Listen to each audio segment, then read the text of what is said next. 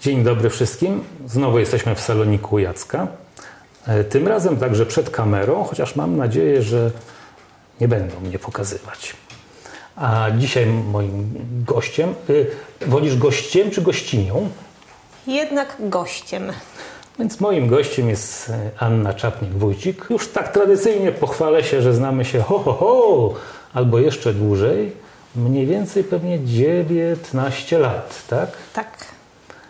I przez te wszystkie długie lata nie, Ania nie miała nic wspólnego do, z dostępnością, a teraz się wkręciła. Założyła razem z Januszem Olszyńskim fundację Kinematograf i zajmuje się dostępnością kultury. No to powiedz, y, dlaczego? Dlaczego dostępność i dlaczego kultura? Dlaczego dostępność? Zaczęło się od imprezy, która była organizowana w Rabce Zdroju i istniała konieczność zorganizowania dostępności podczas tej imprezy. Ponieważ ja już coś o tym wiedziałam, a wiedziałam dzięki temu, że znam Jacka Zadrożnego, no to zajęłam się tematem. I tak powolutku od pojęcia audiodeskrypcja i napisy do zorganizowania spektaklu teatralnego z tą dostępnością. Wkręciłam się w temat, a im bardziej się tym zajmowałam, tym bardziej rozumiałam, że to jest to, czym ja się chcę naprawdę zajmować i w czym mogę odnaleźć swoje miejsce do pracy. Taki był początek. Z dostępnością to nie miałaś rzeczywiście zbyt dużo do czynienia, ale z kulturą już i owszem, z tego co pamiętam, pracowałaś w muzeum na przykład, tak?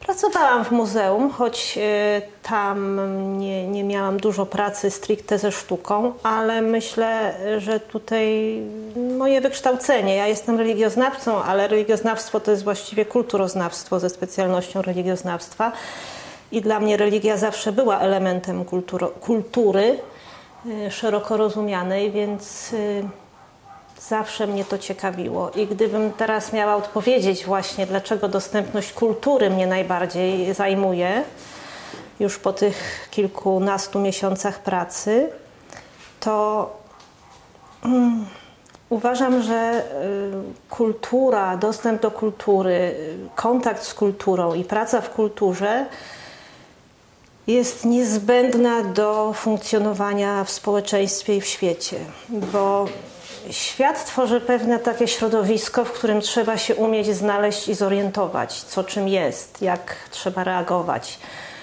I tego trzeba się uczyć całe życie, a kultura jest swego rodzaju językiem symboli, językiem mm, znaczeń, językiem kontekstów, które jeżeli się zna, to wtedy dobrze się funkcjonuje. A poznać można nie przez to, że przeczyta się o tym w książce, tylko że uczestniczy się w pewnych wydarzeniach kulturalnych.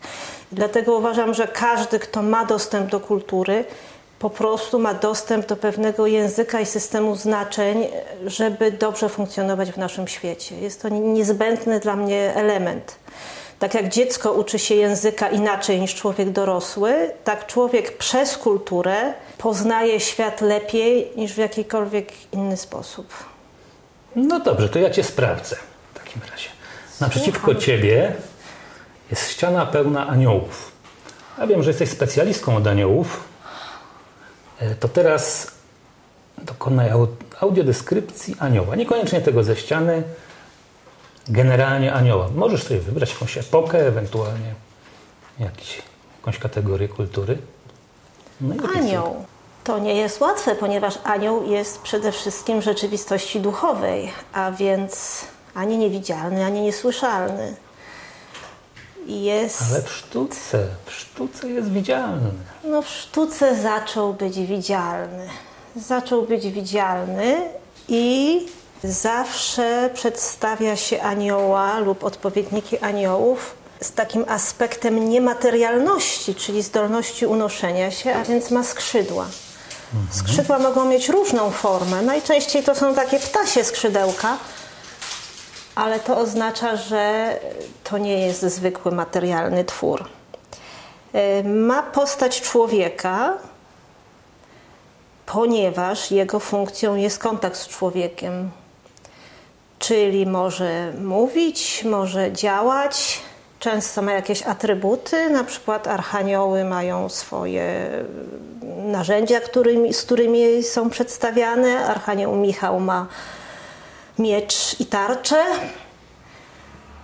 Gabriel? Gabriel na ogół nic nie ma, bo on był takim posłańcem słowa, więc y, czasami jest pokazywany z taką taśmą, z napisem, która się unosi obok niego, czyli on przekazuje słowo. Więc różnie to bywa, jeśli chodzi o to, co te anioły mają. Mają też y, delikatne rysy twarzy. A jakiej są płci? To różnie bywało. Powinny być bez płci. Ale jako, że w naszej kulturze zawsze piękno obrazowało raczej ciało kobiety, więc częściej mają wygląd kobiety.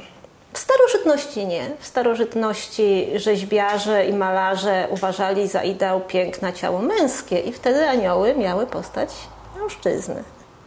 Także to bardzo różnie bywało. Wasza fundacja e, działa głównie w Rabce Zdroju, bo tam oboje mieszkacie. Jak się działa w takim małym mieście? Bo to jednak myślę, że jest coś zupełnie innego niż Warszawa, Kraków, Wrocław. Czy tam jest trudniej, łatwiej? Przede wszystkim mam wrażenie, że jesteśmy pionierami dostępności w tej miejscowości. I kiedy po raz pierwszy organizowałam audiodeskrypcję, to może jedna osoba wiedziała, co to jest audiodeskrypcja. A dla pozostałych trzeba było im to tłumaczyć. Teraz już znają pojęcie, ale często jeszcze y, nie umieją tego przypisać do poszczególnych działań, ale jest coraz lepiej. Jak się działa w małej miejscowości?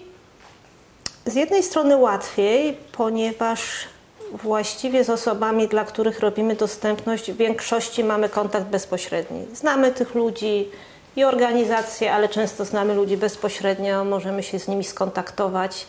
Jak organizujemy imprezę, to możemy to załatwić po prostu telefonem, takie zaproszenia. Działa się trudniej, ponieważ y, dla większości ludzi to jest jakieś działanie marginalne dla znikomej ilości osób, a może w ogóle tych osób nie ma, bo ich nie widać, y, bo dlaczego to tak dużo kosztuje. Y, bo właściwie, skoro dotychczas się tego nie robiło, to po co to robić? Bo Czyli przecież. takie klasyczne problemy. Tak, bo przecież dostępność można załatwić w zupełnie inny sposób, a nie taki, jak my proponujemy. Bo można zawieźć ludzi gdzieś do Krakowa i tam. Na przykład, y, bo właściwie to. Hmm, no właśnie, są inne metody niż my proponujemy, a, a właściwie dlaczego oni mają chodzić do kina czy do teatru? Chodzili dotąd, no to widocznie nie było im to potrzebne, a my być może ich na siłę ciągniemy do tych imprez. Myślę, to że jest... może im zaszkodzić. I już się spotykałam z taką interpretacją, że coś może być szkodliwe dla osób niepełnosprawnych. No może nie kultura, ale, no ale właśnie, no, że będą wychodzić z domu sami na przykład. E, My mamy mm, z jednej strony luksus, a z drugiej problem, ponieważ obydwoje z Januszem od niedawna mieszkamy w Rabce, więc jesteśmy też postrzegani jako osoby nowe i jeszcze robiące coś nowego. Więc Czyli czasem dziwacy z dużego miasta. dziwacy z dużego miasta, tak, tak. Znaczy ty mieszkasz krótko, bo to ile jest 15 lat?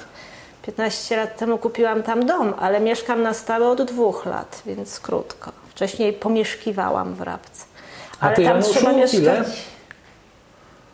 No, byłem tylko do matury, a potem Kraków. I dopiero teraz na emeryturze przyjechałem. Bo Janusz jest rabczaninem e, z urodzenia. Tylko porzucił tą miejscowość, żeby robić karierę na świecie. I teraz na emeryturze wrócił. Janusz jest y, operatorem, tak? Aniu, powiedz coś o Januszu. Janusz jest operatorem filmowym, jest to jego pasja i chyba nawet sposób na życie, bo czasem myślę, że Janusz patrzy na świat tak, jakby patrzył przez kamerę.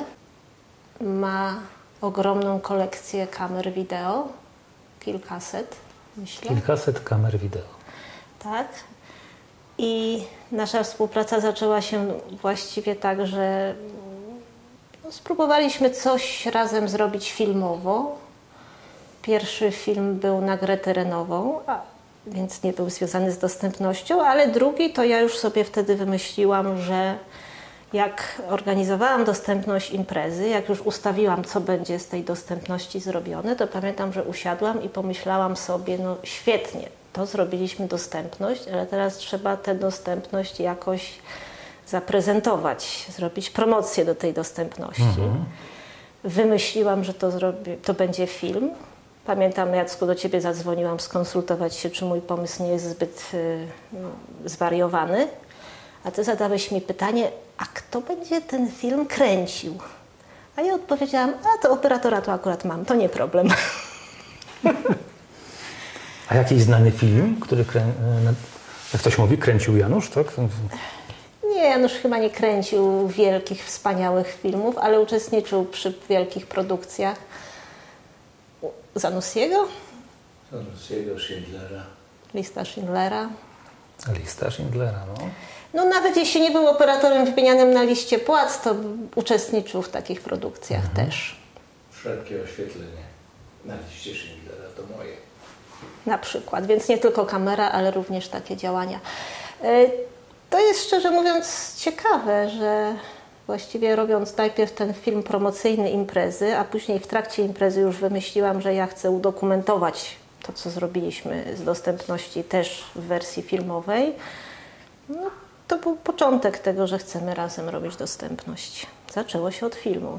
Często słyszę takie mm, opinie, że filmowcy wcale nie chcą tych usług dodawać. Że oni zrobili taki film, jak jest. Podobno nawet Stanley Kubrick nie chciał, żeby lektor czytał jego napisy, e, żeby można było tylko z napisami puszczać jego film. A jak się Janusz w tym odnalazł, w tym, że tu trzeba będzie dorobić tu, to audiodeskrypcję, tu napisy, to jeszcze lepiej jak zamknięte niż otwarte. Dał się przekonać. A, czyli był problem. to znaczy, mm, myślę, że po prostu w ogóle nic nie wiedział o dostępności, kiedy ja zaczęłam wymyślać te kolejne dodatki do filmu, bo ja też miałam je raczej w swojej głowie. Nie wiedziałam jeszcze, jak to się wszystko robi. Dopiero później się dowiedziałam, że to rzeczywiście robi się napisy takie, siakie i tak dalej. Ja, więc, y, przedtem były po prostu napisy, tak? Tak, przedtem były po prostu napisy i do pierwszego filmu mieliśmy napisy otwarte. Dał się przekonać, choć trzeba było czasem właśnie porozmawiać i pomyśleć, jak to zrobić. A teraz to już standard. Teraz jesteście w szwungu. Co chwila słyszę, że coś organizujecie. No, zresztą nagrywaliście też film mm, na temat y, windy w szkole w Andrychowie. Tak. To, to jest bardzo taki już teraz popularny film. Pokazuje, jak działa ustawa o zapewnieniu dostępności. Jak ktoś chce sobie poszukać w internecie, to na YouTubie, a tytuł jest y, Co jest tam na górze, tak? Dobrze pamiętam tytuł? Tak, co jest, tam, jest tam, na górze. Na górze. E, to nie jest dostępność taka kultury, nie jest dostępność multimediów, to jest dostępność czysto architektoniczna, a jednak przyjechaliście e, robić ten film.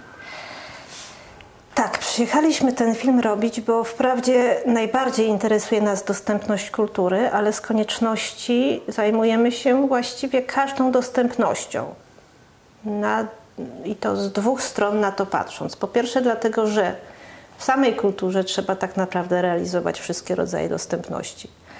Żeby impreza była dostępna, musi mieć zarówno zwykłe usługi dostępności dla osób z dysfunkcją zmysłów, wzroku i słuchu, jak i zapewnić dostępność architektoniczną, jak i do tego przygotować odpowiednią informację, czyli też elementy dostępności cyfrowej. No a jeszcze jak my robimy promocję filmową, no to, wchodzą w to wchodzi w to dostępność multimediów. Więc siłą rzeczy ja zajmując się tym muszę przynajmniej orientować się, gdzie szukać informacji z zakresu wszystkich dostępności. A z drugiej strony, kiedy my w Rabce promujemy w ogóle dostępność na takim czasem bardzo podstawowym poziomie, no to tak samo musimy zająć się każdym elementem. Nie możemy sobie pozwolić, że robimy tylko kulturę, a ignorujemy inne dziedziny, bo jak przychodzimy do Urzędu Miasta i, i rozmawia z nami koordynatorka, to ją interesują inne rzeczy niż kultura a wie już, że akurat dostępnością my się zajmujemy. W przypadku szkoły w Andrychowie, no to był, było bardzo ciekawe, bo dotyczyło tego, że ustawa może pomagać, działać. Dla mnie to było zaskoczenie, że w ogóle taki problem może istnieć, bo mi się wydawało, że akurat dostępność architektoniczna, jeszcze w edukacji to już od lat jest stosowana, obecna i, i nie ma problemu. Naprawdę tak myślałaś? Tak myślałam. tak myślałam. Myślałam, że ono w kulturze to może nie jest takie oczywiste, ale w architekturze, w szkole specjalnej, czy w szkole, przepraszam, w szkole integracyjnej. integracyjnej. Mhm że w szkole integracyjnej nie ma dostępności architektonicznej, to było dla mnie duże zaskoczenie. E, ale jednocześnie to była bardzo przyjemna praca, bo e, my naszą kamerą po prostu służymy każdemu tematowi dostępności. Jak tylko ktoś tego potrzebuje, to, to jedziemy, kręcimy i w miarę swoich możliwości to realizujemy skromnych jak na razie. Mam nadzieję, że to się zmieni, ale no po prostu jeśli można to zrobić, zrobić w wersji filmowej, to wydaje mi się, że ma to szansę dotrzeć do szerszej publiczności. Wracając do fundacji, jesteście tam e, tylko wy dwoje póki co, jak rozumiem? Właściwie tak. To powiedz jeszcze parę słów o logotypie fundacji. Jak on powstał, skąd się wziął? Jak powstał nasz logotyp. Nasz logotyp właściwie łączy nasze główne narzędzie pracy, jaką jest kamera, z dostępnością kultury, czyli nasz logotyp y, według audiodeskrypcji to jest żółte koło, na którym wpisany jest graficzny znak kamery, mhm. przy czym statyw tej kamery tworzą litery AD i trzy nawiasy, czyli symbol audiodeskrypcji. Na korpusie kamery znajduje się znak napisów, czyli taki ekranik z dwoma mhm. podkreślonymi mm, kreseczkami na dole ekranu.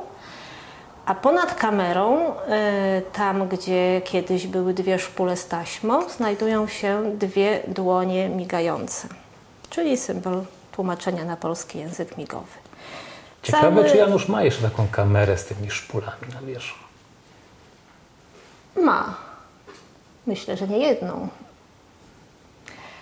I cały ten, e, całe to koło jest obwiedzione napisem wersalikami Fundacja Kinematograf. Czasami jeszcze pojawiają się literki TV, no bo nasze filmy są technologicznie e, filmami telewizyjnymi, więc jest jeszcze dodatkowy TV. Taki jest nasz logotyp. E, trochę wygląda jak pieczątka, bo jest taki okrągły. Na filmach jest w wersji białej, czyli wszystkie te znaki są Albo białe. jak moneta, bo tak dookoła napis. Tak, tak. I, I wtedy w narożniku filmu jest taki okrągły, biały znaczek z tymi wszystkimi elementami. Jest ich dużo, ale y, to trochę obrazuje nasze filmy, czyli nasze filmy, które zajmują się dostępnością, ale które również w sobie mają te elementy dostępności multimediów. Powiem, co, co, co wiem, że już zrobiliście. Powiedz, powiesz mi, czy ja dobrze to pamiętam, a jakby co to może dołóż jeszcze. Wiem o seansach w kinie, wiem o spektaklach teatralnych, e, wiem o mm, dużym takim wydarzeniu plenerowym. Jako fundacja to organizujemy faktycznie w Rabczańskim Kinie Śnieżka seanse filmowe z audiodeskrypcją i napisami. No to akurat nie jest trudne, bo nie musimy my robić tych napisów i audiodeskrypcji. Musimy tylko się postarać o to, żeby kopia była odpowiednia, żeby był sprzęt do audiodeskrypcji, obsłużyć to, więc... No właśnie, Ania Żurawska się skarżyła, że z tym jest e, często kłopot z wypożyczaniem kopii? Tak, że są kopie bez napisów, bez audiodeskrypcji. Mm, ja się po prostu wcześniej dowiaduję o to, czy dany film y, ma takie y, elementy i kierownikowi kina już podsuwam, żeby on się dowiedział u dystrybutora, czy ten, czy tamten film może mi sprowadzić. Więc trochę jest tak, że ja dbam o wybór filmu, a kierownik tylko zamawia. Ale y, kłopoty są, bo mieliśmy przypadek, że był film z audiodeskrypcją i napisami zamówiony, czyli w dniu, mm, kiedy miał być seans, miała przyjść, no bo to wszystko elektronicznie, miała przyjść kopia i, i nakładka. Okazało się, że nie działało to na dwie godziny przed y, seansem i okazało się, że dystrybutor właściwie nawet wiedział, że to nie działa, ale jakoś może nie wierzył, że faktycznie będziemy tego używać. Skończyło się na tym, że, że musieli to na, na chwilę przed seansem wyprodukować jeszcze raz tę nakładkę i, i zrealizować. Y, nie wiem, czy dużo takich filmów jest i jak to się faktycznie robi, bo tak jak mówię, ja najpierw się dowiaduję w innych źródłach, czy dany film ma tę dostępność, a potem proszę kierownika o wypożyczenie. Oprócz kina y, zorganizowaliśmy w tym roku, my jako fundacja, gościnny spektakl, taki monodram z Lublina, bardzo y, utytułowany spektakl, który zdobył kilkadziesiąt nagród na kilkunastu festiwalach, w dużym, w dużą ilość międzynarodowych nagród. I ja sprowadziłam mm, ten monodram do Rabki. Więc była to taka dostępność już nawet pod tym względem, że ktoś, kto nie może z Rabki pojechać do Lublina, mógł mieć dostęp do tego mhm. spektaklu w Rabce. A oprócz tego była audiodeskrypcja i były napisy dla niesłyszących. E, chcielibyśmy częściej takie imprezy organizować, no ale rzeczywiście tutaj nie jest to takie proste. Mamy jednak nadzieję, że będzie się to udawało. E, organizujemy także e, spotkania czytelnicze w bibliotece. No, pozornie można by powiedzieć, co to ma wspólnego z dostępnością, ale jednak staramy się, żeby było to wydarzenie dostępne w kilku aspektach. Po pierwsze, odbywa się w miejscu, które jest dostępne architektonicznie, bo biblioteka jest takim miejscem. Po drugie, mm, wymyśliliśmy to akurat z kolegą, który też uczestniczy, taką formułę, że podczas spotkania i rozmowy o książce są czytane fragmenty tej książki, czyli właśnie kolega, który jest aktorem, więc interpretuje to profesjonalnie, czyta również fragmenty, więc ktoś, kto nawet nie mógł książki przeczytać, może się zapoznać z treścią. Tak się złożyło, że od pierwszego takiego spotkania ktoś zawsze czyta też audiobooki i zawsze się staram, żeby była o tym mowa, żeby uwrażliwić także bibliotekę na to, że to też jest rodzaj czytelnictwa, korzystanie z audiobooków. No i wreszcie y, zarówno zaproszenie do biblioteki, jak i relacje z takiego spotkania robimy w wersji filmowej, no i jest to wersja też z napisami, więc... Ja pamiętam kiedyś taką dyskusję wśród dostępnościowców właśnie na ten temat takich spotkań w bibliotece, gdzie czytane były na głos fragmenty książki i wywiązała się taka dosyć długa, a nawet gdzie indziej burzliwa dyskusja czy w takim razie należy dostarczyć napisy e, do tego, co czyta ten, ta, ta osoba prowadząca? W filmie czy podczas spotkania? Podczas, nie no, wiadomo, że na żywo to tego za bardzo się nie da zrobić, ale w filmie. No my zamieszczamy napisy. Całą, jak te czytają całą tą książkę, jak czytają? No nie czytają całej książki, no, tylko no, fragment. Wiem, cały ten fragment. No. Tak, ja wszystko wstukuję. W takim razie ty jesteś mm, hardkorowa. Tak, e, to się odbywa w ten sposób, że ja przygotowuję skrypt, który później, skrypt, no, tekst, który później Janusz na YouTubie wrzuca. I muszę powiedzieć, że zawsze pod koniec tej pracy mamy wrażenie, że jesteśmy wariaci. Ponieważ to jest kilka godzin pracy do filmu, który powiedzmy ma 15 minut, bo to jest też skrót tego spotkania, nie robimy całego spotkania, bo byłoby to nudne. E, więc najpierw mamy wrażenie, że to jest taka długa i żmudna praca, a jak już to się ukaże, to zawsze mam takie poczucie satysfakcji, że no jednak realizujemy to, co chcemy, czyli prawie wszystkie, nie wszystkie, ale prawie wszystkie nasze filmy, które w jakimś stopniu są związane z dostępnością, mają napisy zamknięte na YouTubie, bo tak chcemy. nawet jeśli kosztuje to wiele godzin pracy. Muszę Ci powiedzieć, że e, Ewa długo jęczała, mm, że nie chce jej się dodawać tekstów alternatywnych do zdjęć e, wrzucanych na Facebook, bo z tego przecież i tak nikt nie korzysta. A już jak ja zrezygnowałem z Facebooka, to już w ogóle nie ma sensu. E, to czasem też tak masz, że pewnie z tego nikt nie skorzysta i może szkoda zachodu? Chyba nie, bo y, kiedyś sobie powiedzieliśmy, że nawet jeśli tylko jedna osoba z czegoś korzysta, to warto to robić. Y, I ja na Facebooku dodaję teksty alternatywne. Nawet jeśli one są bardzo krótkie, to je dodaję. Bardziej y, zastanawiam się nad ilością wrzucanych zdjęć i uważam, że może lepiej wrzucić mniej, ale za to do wszystkich zrobić opis alternatywny.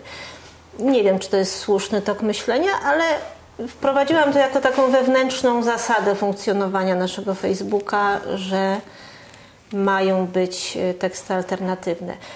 Nie stosuję deskrypcji do wszystkich filmów, ale do niektórych tak.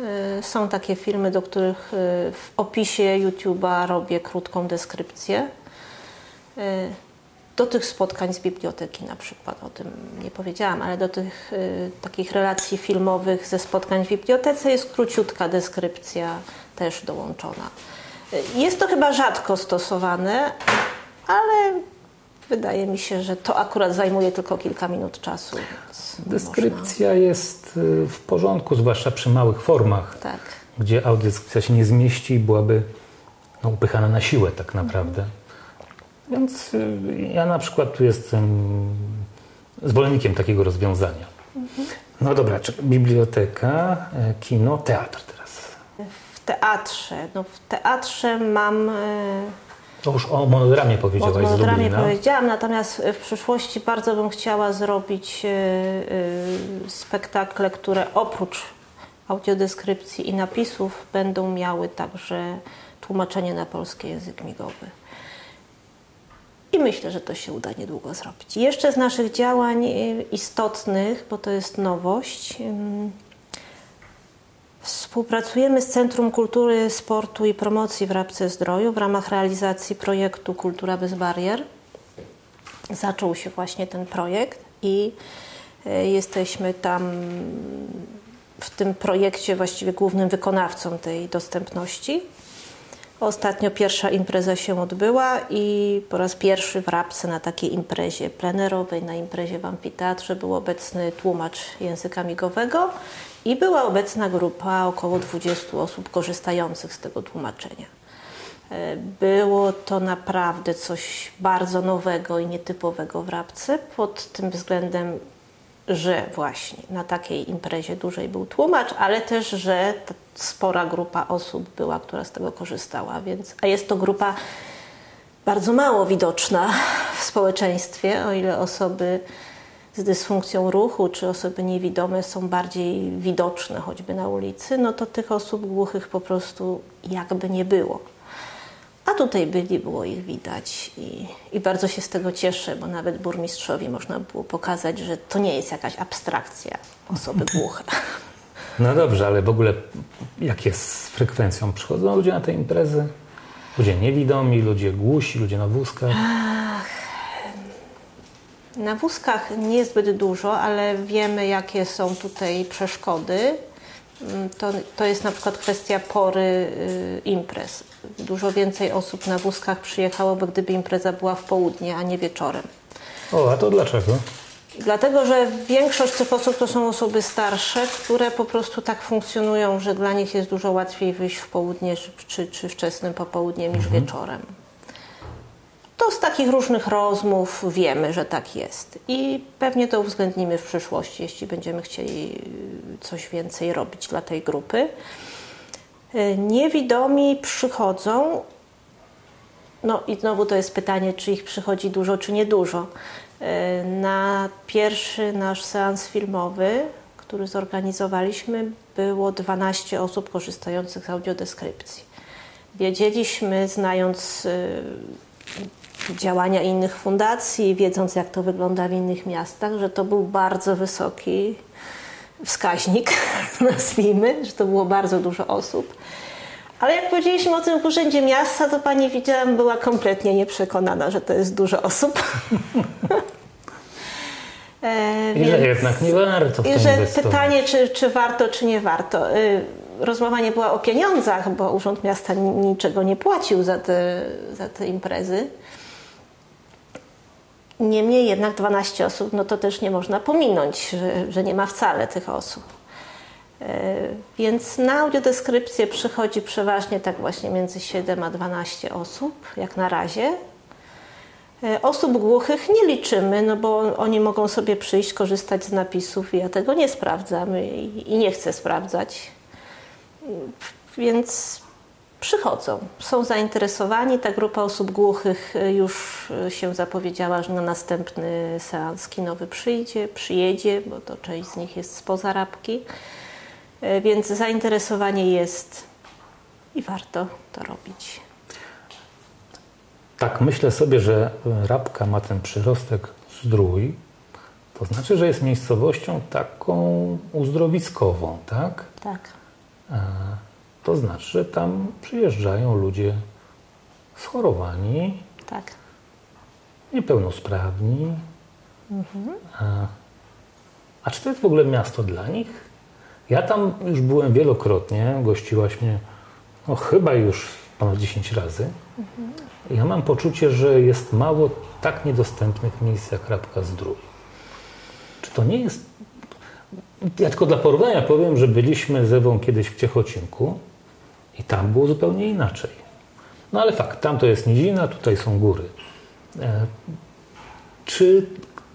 Dlaczego do tej pory nikt o tym nie, nie pomyślał w mieście, że o tą dostępność trzeba zadbać.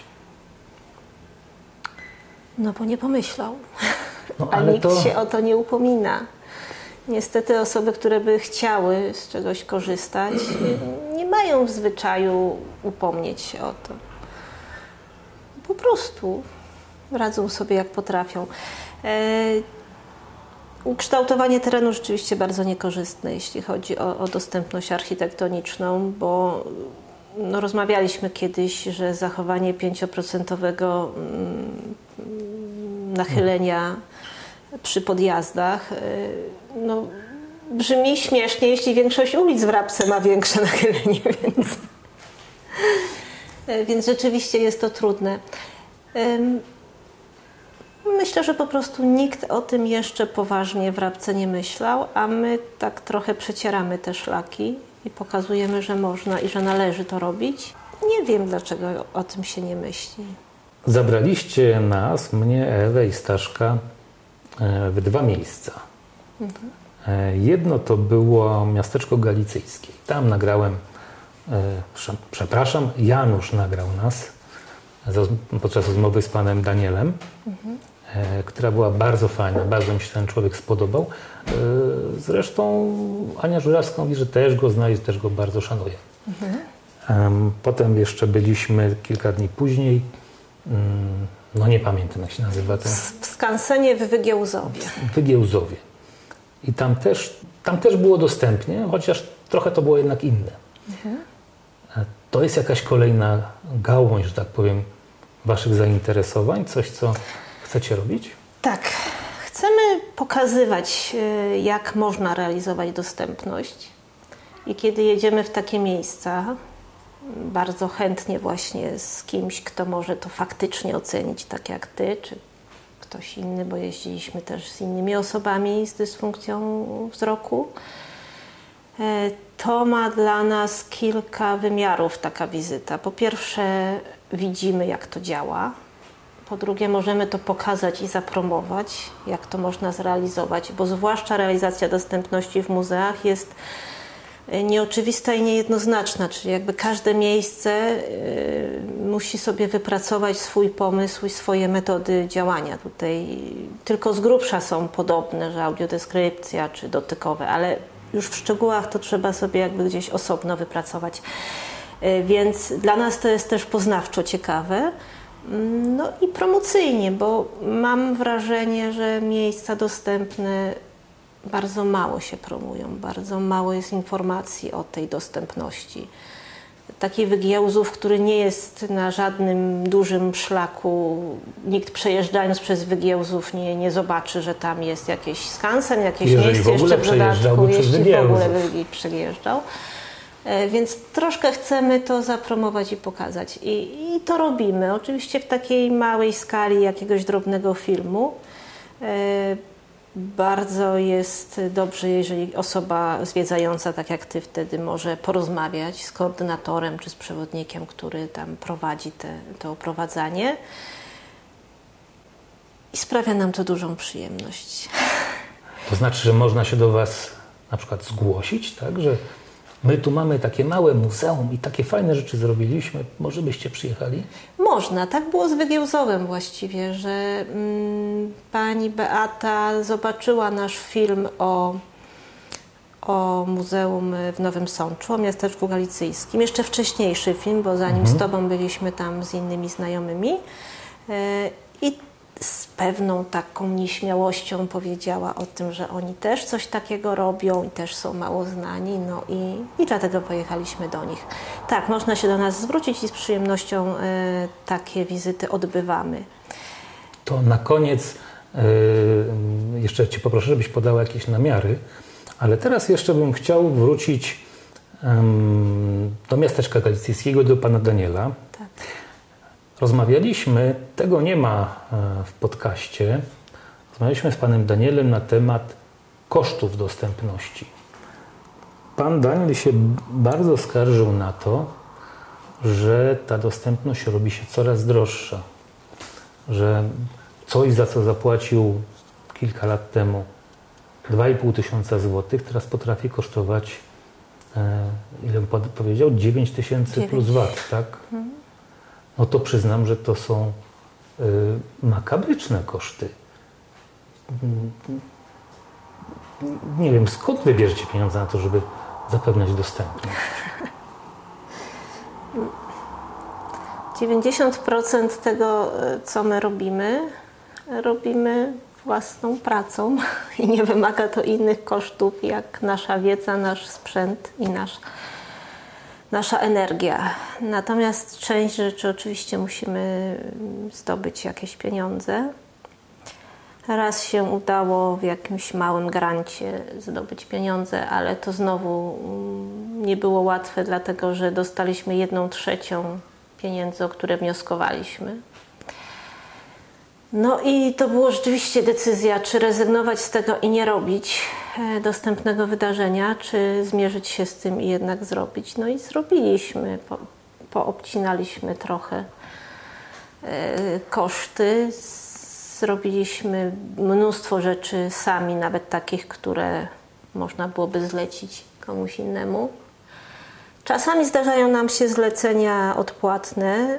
One są związane z naszą działalnością filmową czy, czy sprzętową, że na przykład robimy gdzieś nagłośnienie do jakiejś imprezy i wtedy mamy z tego jakieś pieniądze. Dostaliśmy również wynagrodzenie za szkolenia, ponieważ y, zdarza się nam prowadzić szkolenia. E, I szkolenia, z, y, akurat te, które prowadziliśmy, takie podstawowe szkolenie o ustawie o zapewnianiu dostępności. Więc z tego możemy mieć y, także zyski. Ale czy aż takie, żeby kupować? To była taka półmakieta za 11 tysięcy złotych. Nie, ale my na szczęście jakiś- nie jesteśmy muzeum, więc nie musimy Ale kupować takich jak- makiet. Ja przyznam, że to wtedy mną wstrząsnęło, bo to znaczy, że, że ktoś doi. Doi te, te, te To i bo na to się dostaje kultury. pieniądze z grantów, jeżeli się dostaje pieniądze z grantów. No i teraz realizując ten grant e, Kultura bez barier, to za naszą pracę też będziemy dostawać pieniądze od Centrum Kultury, no bo Centrum Kultury dostało grant. Ja mam zwyczaj, jeżeli mogę się czegoś nauczyć, to uczyć się i robić sama, więc dawać swoją pracę. E, Bo wiele rzeczy można się nauczyć, albo tak zrobić, żeby kosztowało mniej niż to może na starcie się wydawać. Tak było z e, jednym spektaklem teatralnym, że e, właściwie na etapie omawiania tego, jak przygotować audiodeskrypcję, audiodeskryptorka zawodowo tym zajmująca się stwierdziła, że tu właściwie nie trzeba robić takiej pełnej audiodeskrypcji. Można to zrobić prościej, no też taniej przez to, ale spektakl nie wymagał takich nakładów finansowych. Y, Poprosili, Racjonalna dostępność. racjonalna dostępność. W dodatku y, też korzystam z pomocy przyjaciół naszych. Mamy w Rabce teatr, mamy aktorów zaprzyjaźnionych, z którymi współpracujemy. I na przykład w tym przypadku lektorką była aktorka z Rabki. I tą audiodeskrypcję odczytywała lektorka z Rabki, więc znowu te koszty nam spadły do minimum, czyli do takiego barteru, że my dla nich czasem coś kręcimy, a oni dla nas przeczytają jakąś audiodeskrypcję albo posłużą nam za lektora. To się załatwia w gronie przyjaciół, ale ja generalnie mam wrażenie, że dostępnością zajmują się ludzie z pasji, a między sobą żyją w takiej serdecznej przyjaźni i wtedy można dużo fajnego zrobić. To jest dużo ważniejsze niż to, czy się ma na to pieniądze. To prawda, tym bardziej jak mm, wiem, jak zdarza się wydawać bez sensu pieniądze. O tym może też dosłuchasz sobie w, w podcaście z Anią Żurawską, bo ona też podaje takie przykłady, e, że ktoś no, czasem bezrozumnie wydaje pieniądze. Tak, bezrozumnie, ale też ciągle wydaje pieniądze mm, na pokazanie dostępności, a nie zrobienie jej dla odbiorców. Z tym się też często spotykam.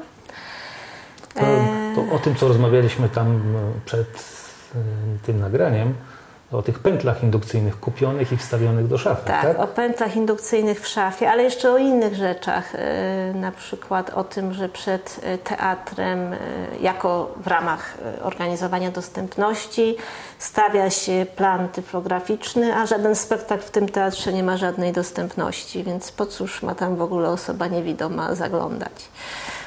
Na przykład. No wiesz, ja tam ch- chodzę czasem do teatru, nawet jak nie ma audiodeskrypcji. I korzystasz z planu Nie, typograficznego? nie korzystam. Moje zdanie jest dosyć stałe na temat tych planów. Ja też to zdanie powtarzam i nawet niektórzy rozumieją, o co w tym chodzi, ale mówią, no, ale w ustawie jest napisane, że coś takiego by trzeba zrobić, no to trzeba zrobić. Rozmawiałem też z Donatą Kończyk, tutaj super koordynatorką z Warszawy. I ona mówi, że ona spotkała osobę, która, niewidomą, która mówiła, że czasem używa. Może. No i tak sobie pomyślałem, jednorożec. Być może. Ja nie używam.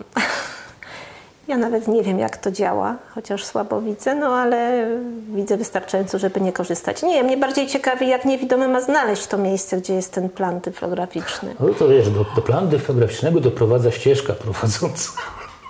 Ale A tam, jak ma gdzie ja znaleźć ścieżkę, widzę... jakbyś zechciała takie pytanie zadać, Tak. y, no to jest na innym planie typograficznym zaznaczone. No być może. No ale też mm, po co plan typograficzny teatru? Naprawdę jakby nie wiem, czemu to ma służyć.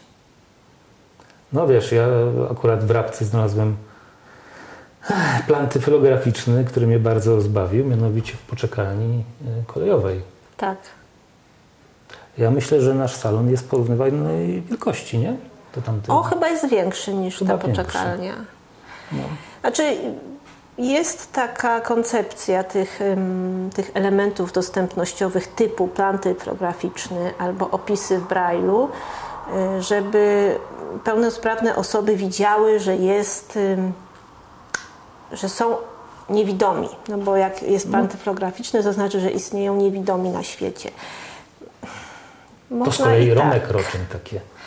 Tak, tylko że trochę to dużo kosztuje, no, żeby pokazać, że są niewidomi poprzez to, że się postawi plan typograficzny, na który dodatku można wpaść, bo często jest takim wolno stojącym Właśnie, potykaczem. y, Uważaj w metrze, żeby się, Tak? Bo tam są takie niebezpieczne te plany, takie są dość wysoko i takie mają krawędzie niezbyt przyjazne. Tak?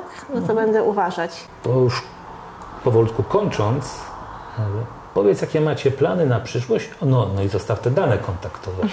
Jakie mamy plany na przyszłość?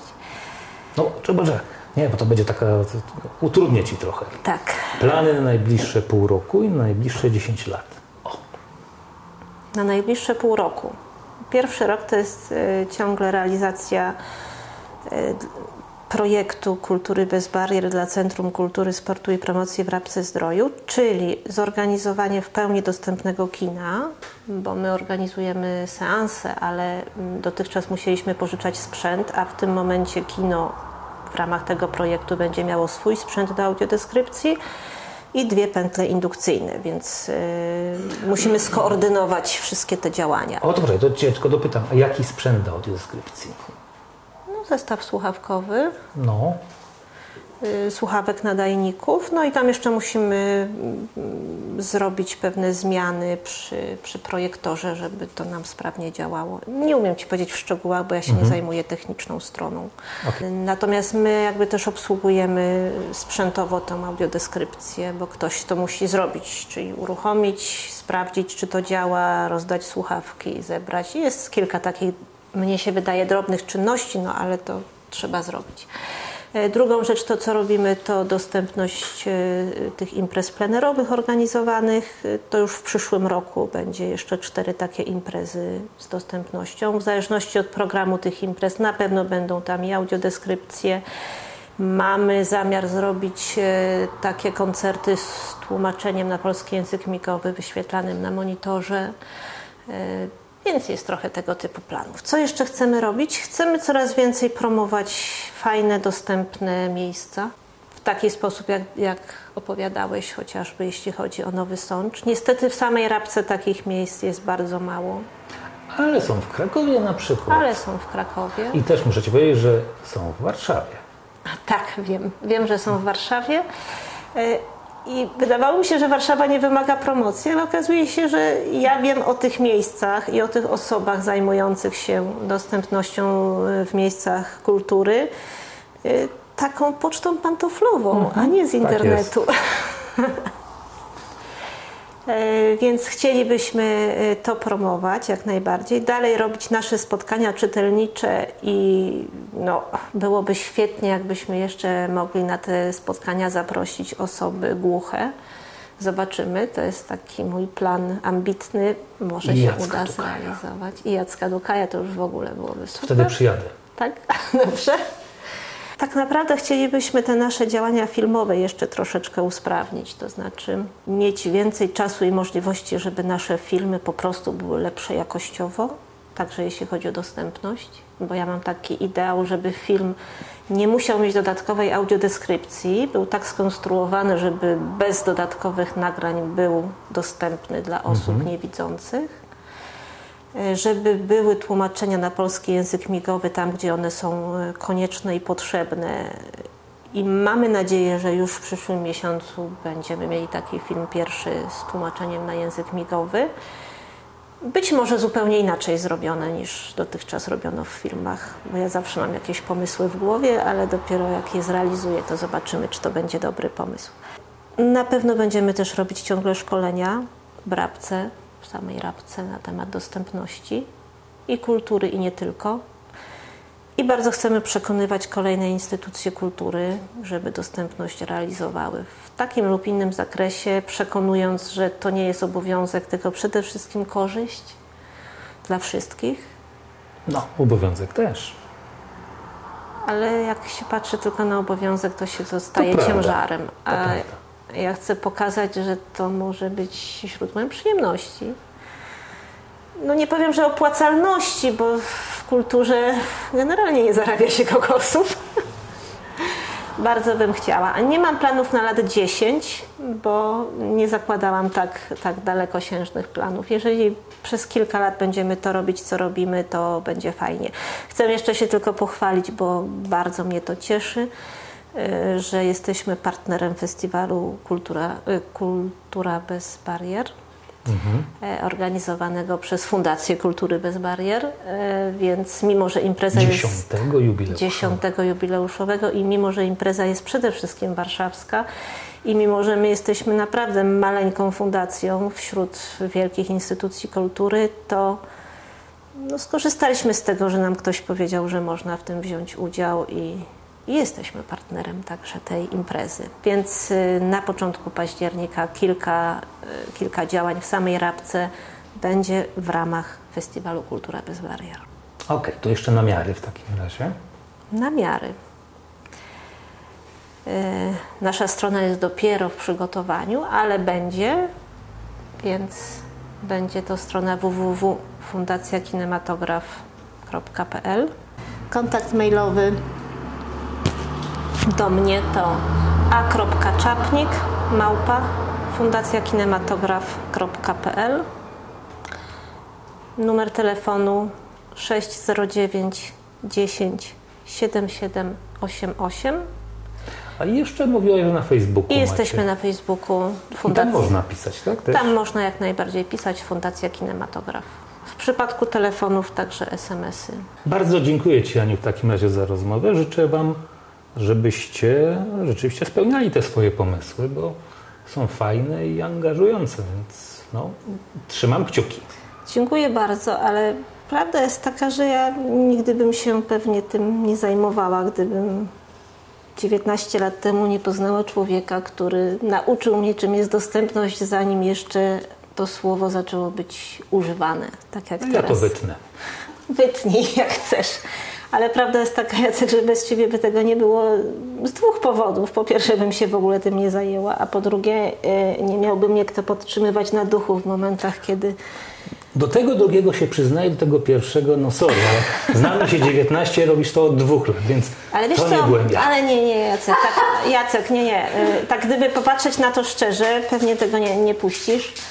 Y, To jak pamiętasz, po tym jak Cię poznałam, ja wróciłam do Krakowa i po raz pierwszy miałam ochotę zrobić coś dla osób w środowisku osób niewidomych. Bo ja się od tego środowiska odcięłam, jak miałam 16 lat i nie chciałam tam nic robić, bo to było Towarzystwo Wzajemnej Adoracji, odseparowane od osób y, widzących. Po spotkaniu Ciebie uznałam, że warto jednak coś w tym temacie robić i działać i wróciłam pełna energii, po czym Polski Związek Niewidomych mnie sprowadził do parteru, że z takimi ambicjami to ja mogę sobie co najwyżej usiąść w zaciszu swojego domu i tyle. I wtedy to porzuciłam, a wróciło to po prostu w innym miejscu, w innych okolicznościach i w innym kontekście, ale de facto ja wiem, czy to jest dużo inna działalność niż, niż to, co Ty robiłeś 19 lat temu. Też jest działanie na rzecz dostępności, tylko się inaczej to wtedy nazywało. No. Też się tak nazywa. Też się tak może Może nazywało. nie nie? wytnę, taka laurka. Także, także nie, nie, serio, serio, to ja bym przecież w ogóle nie miała wiedzy na ten temat. A poza tym, że mnie przekonałeś do technologii. No to jest... Strasznie to wolno idzie z tobą. Ale idzie.